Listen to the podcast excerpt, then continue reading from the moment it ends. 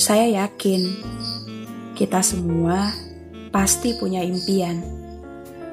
Impian membuat kita punya arah dan tujuan saat beraktivitas tentunya. Termasuk halnya dalam efektivitas penggunaan waktu. Adanya impian yang jelas membuat waktu lebih bermakna.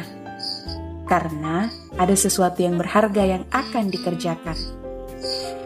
Faktanya, adanya impian yang jelas tidak selalu lantas membuat kita meraih impian itu dengan mudah. Sebab, impian yang jelas harus pula diiringi rencana yang terukur untuk mewujudkannya. Kita perlu membuat rencana terkait langkah dan strategi yang harus dilakukan untuk mencapai impian tersebut. Butuh pemikiran yang jernih, dan kesediaan diri untuk fokus menyediakan waktu dan membuat perencanaan. Semuanya berawal dari pikiran. Kalau berpikir saja kita masih menunda-nunda, bagaimana impian itu mendekat?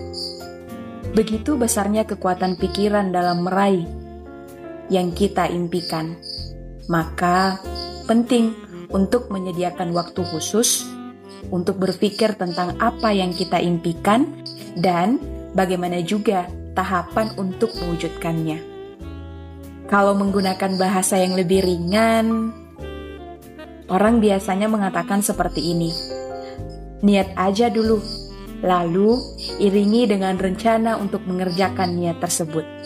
Nanti, jalan-jalan menuju pencapaian niat tersebut, insya Allah akan terbuka deh. Kita sudah melewati 10 hari pertama di bulan Januari 2020. Bagaimana 10 hari di bulan Januari?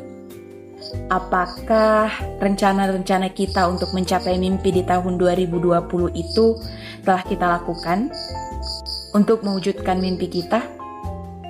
Atau belum? Kalau belum, yuk mulai raih mimpimu di 2021 dan tetap istiqomah ya untuk mencapai mimpi-mimpimu, khususnya dalam kebaikan.